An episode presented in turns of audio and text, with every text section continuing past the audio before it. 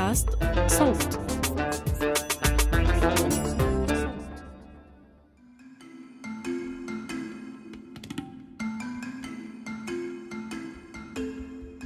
تنويه.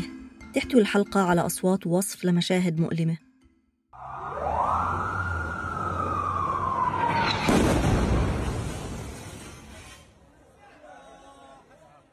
هذا صوت قصف إسرائيلي في ليلة 23 أكتوبر لمحيط مستشفى القدس في غرب مدينة غزة. هذا القصف بعد أيام على مجزرة مستشفى المعمداني في 17 أكتوبر اللي راح ضحيتها أكثر من 500 فلسطيني خلال دقائق كانوا داخل أسوار المستشفى. التهديدات بقصف المستشفيات ما وقف من لما بدت الإبادة اللي بتشنها إسرائيل ضد قطاع غزة المحاصر. تهديد آخر بيوصل مستشفى الكويتي رغم أنه المستشفى الوحيد في محافظة رفح الأكبر مساحة جنوب قطاع غزة. وصلنا الآن في هذه الساعة العاشرة. مساء. اتصال آخر من العدو الصهيوني الغاشم. يطلب منا إخلاء المستشفى للمرة الثانية ويخبرنا بأنه أمهلنا بالأمس ساعتين. ونحن نوجه رسالتنا هذه عبر كل القنوات ووسائل الإعلامية لن نغادر المستشفى. إخواننا الكرام الاحتلال يتبجح باختراق القوانين والإعراف الدولية. الاحتلال لم يبقى أمامه خط أحمر لم يستبيحه إلا قصف المستشفيات. لم يبقى مكان آمن في قطاع غزة غير المستشفيات. مئات الناس يتجمهرون حول المستشفى. الناس لم يغادروا بيوتهم ولن يغادروها. هذا قرارهم وهذا تضامنهم معنا ومع المستشفى. وهذا قرار الطواقم الطبية. لن نغادر المستشفى. هذا صوت مدير مستشفى الكويت الدكتور صهيب الهمس خلال مقابلة مع تلفزيون العربية. مرحبا أنا حنين صالح من فريق صوت.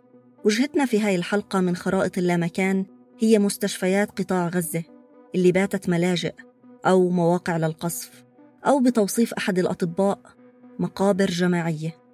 بنعيش على مدار الحلقة في هاي المستشفيات من خلال تسجيلات ميدانية سجلها الصحفي سالم الريس تحدث فيها مع بعض الأطباء والمسعفين. نسمع كمان تسجيلات من وسائل الإعلام وتغريدات وشهادات دونها بعض الأطباء والممرضين على عجالة. تغريدة كتبها الدكتور غسان أبو ستة جراح الترميم والتجميل من مستشفى الشفاء في غزة في 10 أكتوبر. اضطررنا لتنظيف جروح فتاة مراهقة مصابة بحروق سطحية بنسبة 70% من جسمها بالصابون العادي لأن المستشفى نفذ لديه مخزون لكلور هايكسيدن هاي التغريدة قبل أيام من تصريح الدكتور محمد أبو سلمية مدير مجمع الشفاء الطبي لقناة الجزيرة. صراحة كنا في وضع لا نحسد عليه وما زلنا. الآن غرف العمليات مبدأ المفاضلة موجود تماما. هذا يعمل له وهذا لا يعمل له. الآن نعجل العمليات بدون تخدير للمرضى وللجرحى بدون تخدير. بدون تخدير؟ بدون تخدير. لماذا؟ أنه لا يم... نريد أن ننقذ ما يمكن إنقاذه لأن غرف العمليات 12 غرفة ممتلئة ولكن عدد الجرحى مئات. هذا التوصيف السريالي لشو بيصير بغزة؟ حقيقي جدا. بيشبه حقيقة قصف الاحتلال الإسرائيلي لمستشفى المعمداني في حي الزيتون غرب مدينة غزة على رؤوس المرضى والجرحى والأطباء والأطفال النازحين فيه واللي خلف 500 شهيد دفعة واحدة وعشرات الجرحى. وفي مشهد حقيقي أيضا بينعقد مؤتمر صحفي بعد المجزرة مباشرة بصطف أطباء ناجين أمام الكاميرات تتكدس حواليهم مئات الجثث الملفوفة بالأبيض أو اللي مبين منها أجزاء. بيتماسك الأطباء وبيحكوا. اليوم تلقيت اتصالا من الدكتور فضل نعيم ليقول لي جهزوا قسم الطوارئ. فلقد تم قصف مستشفى المعمداني بالفعل وهناك المئات المئات من الجرحى والشهداء.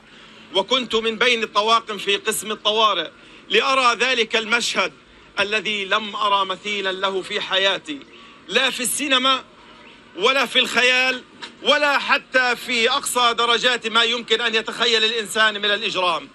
رأيت هؤلاء الأطفال الممزقة أشلاؤهم ورأيت هؤلاء الأطفال الذين بترت رؤوسهم.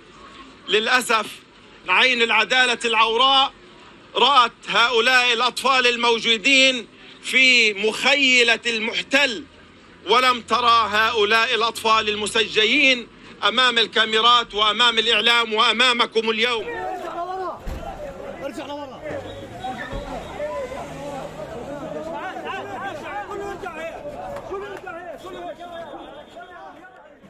تغريدة للدكتور غسان أبو ستة في 19 أكتوبر مع صورة لعلبة خل طعام بحكي فيها. الخل من أحد المحلات في الزاوية لعلاج التهابات الجروح البكتيرية لقد وصل الأمر إلى ذلك. هاي التغريدة بتتزامن مع تحذيرات منظمة أطباء بلا حدود من أنه النظام الصحي في قطاع غزة بيواجه الانهيار وأنه المستشفيات مكتظة وتفتقر إلى الموارد. أيضا أطلقت منظمة الصحة العالمية تحذير من أنه الجثث في مستشفيات غزة تفوق طاقة ثلاجات الموتى. وصفت الأمر بأنه كارثة بيئية بتهدد الصحة العامة وبتشير إلى أنه عشرة من مستشفيات قطاع غزة خرجت عن الخدمة نتيجة استهدافها المباشر بالقصف. المستشفيات أيضا صارت مهددة بنفاذ الوقود الاحتياطي مع إحكام الحصار ومنع دخول المساعدات من معبر رفح البري. اضطر بعض الناس للتبرع بالمتوفر عندهم منزليا من الوقود لتشغيل سيارات الإسعاف مثل ما خبرنا المسعف نسيم حسن. بالأمس محطات البنزين أو محطات الوقود اللي إحنا معتمدين عليها أقفلت بسبب نفاذ الوقود. ناشدنا كل العالم بعض المواطنين. بلشوا بالاتصال علينا إنه هذا عنده 20 لتر هذا عنده 30 لتر في عنده 6 لتر. تبرعات شخصية من بعض الناس. هذه التبرعات الخفيفة الناس كانت شارياها لمولدات الكهرباء عشان تقدر تطلع مية لبيوتها. تبرعت فيها عشان سيارات الإسعاف تكمل آه، المسير تبعها. بضم قطاع غزة 35 مستشفى.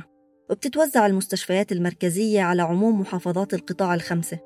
العدد الأكبر منها موجود في محافظة غزة اللي تعد بمثابة العاصمة الإدارية للقطاع.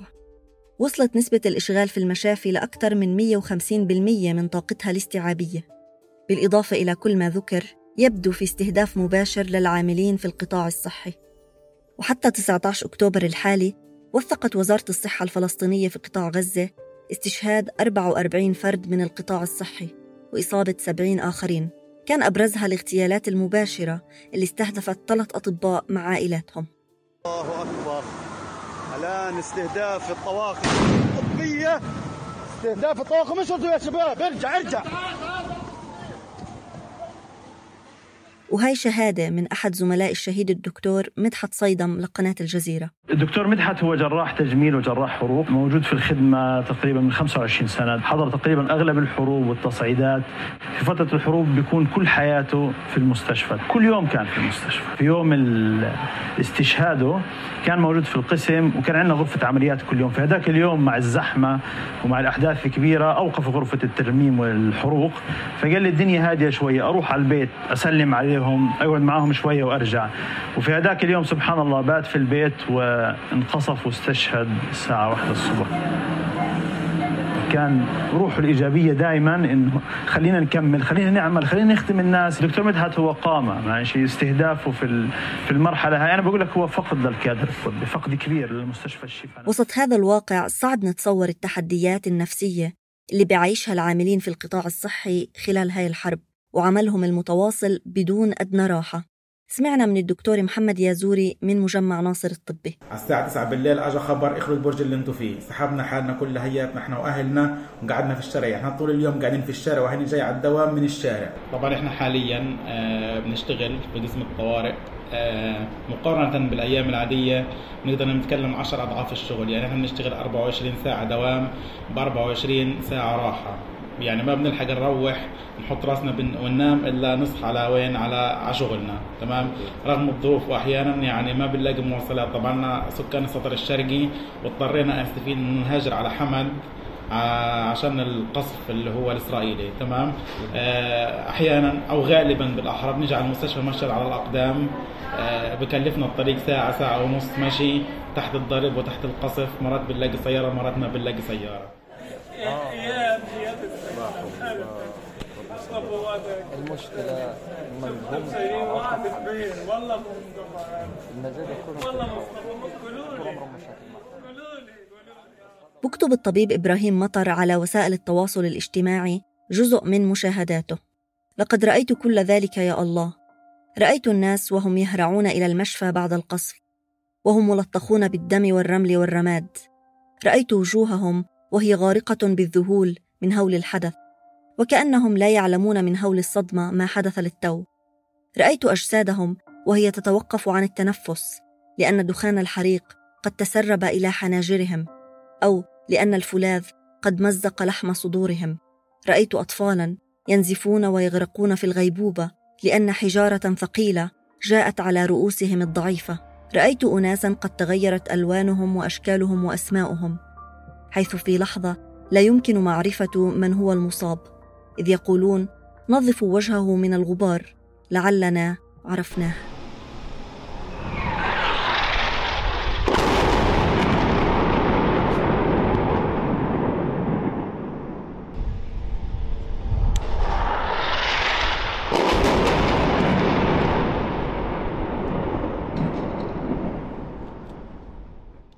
آخر ما تناقلته منصات التواصل الاجتماعي عن حال المستشفيات أطباء بيقوموا بعمليات جراحية على أضواء الهواتف. انقطاع الكهرباء تماما عن المستشفى الأندونيسي في بلدة بيت لاهيا نتيجة نفاذ الوقود. وطبعا الخبر اللي أصبح معتاد استمرار إغلاق معبر رفح البري منع دخول المساعدات باستثناء 20 شاحنة دخلت قبل أيام. 20 شاحنة بتحمل مساعدات ل 2 مليون شخص. منع دخول طواقم طبية منع إدخال مستشفيات ميدانية منع نقل الجرحى للعلاج بالخارج. منع إدخال الوقود استمرار قطع المياه. ونقوم بعمل جاد يفوق طاقة البشر. من وقتنا تقريبا لا نستطيع النوم ولا نستطيع الراحة ونحاول بكل جهدنا إنقاذ أبناء الشعب من هذه الأحداث الجنونية هذه الأحداث الذي لا يمكن استيعابها ولا يمكن التفكير مجرد التفكير أنه كان في يوم من الأيام ممكن تمر علينا هيك أحداث. هذا صوت الدكتور حامد أخصائي الجراحة العامة في مجمع ناصر الطبي. حقيقة يمكن فترة ال 12 يوم السابقات طول فترة الحرب كل بصعوبة جدا. كل ما أستطيع أنه زيارة الأسرة ساعة أو ساعتين كل 48 ساعة أو أكثر للإطمئنان على أحوالهم وعلى ظروفهم. وعلى ظروف الناس النازحة من كل مكان في كل الشوارع والحارات للأسف الشديد. إنه معظم المستهلكات الطبية وأدوات التخدير في نقص حاد جدا. أحيانا كثيرا نضطر إلى إجراء عمليات في ممر غرف العمليات لامتلاء غرف العمليات كاملة بالحالات وتأجيل بعض العمليات الطارئة لعدم وجود مكان لإجراء العملية فيه.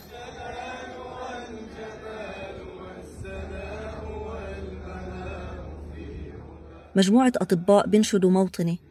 بعد قصف محيط مستشفى الكويتي في رفح. وقصف محيط المستشفى يعني تدمير كامل في البنية التحتية المحيطة وعزل نسبي للمستشفى ومنع سيارات الإسعاف وغيرها من التحرك والوصول بسهولة. تغريدة للدكتور غسان أبو ستة مع صورة لغرفة عمليات ملطخة بالدماء على الأرض. وبكتب من يزيل كل هذه الدماء؟ أنتجت هاي الحلقة في ذروة الحرب الإسرائيلية على قطاع غزة في أكتوبر 2023 كنت معكم من الكتابة والتقديم حنين صالح أجرى المقابلات الميدانية في غزة سالم الريس تحرير تالا حلاوة الهندسة الصوتية لحسام علي بودكاست خرائط اللامكان من إنتاج صوت.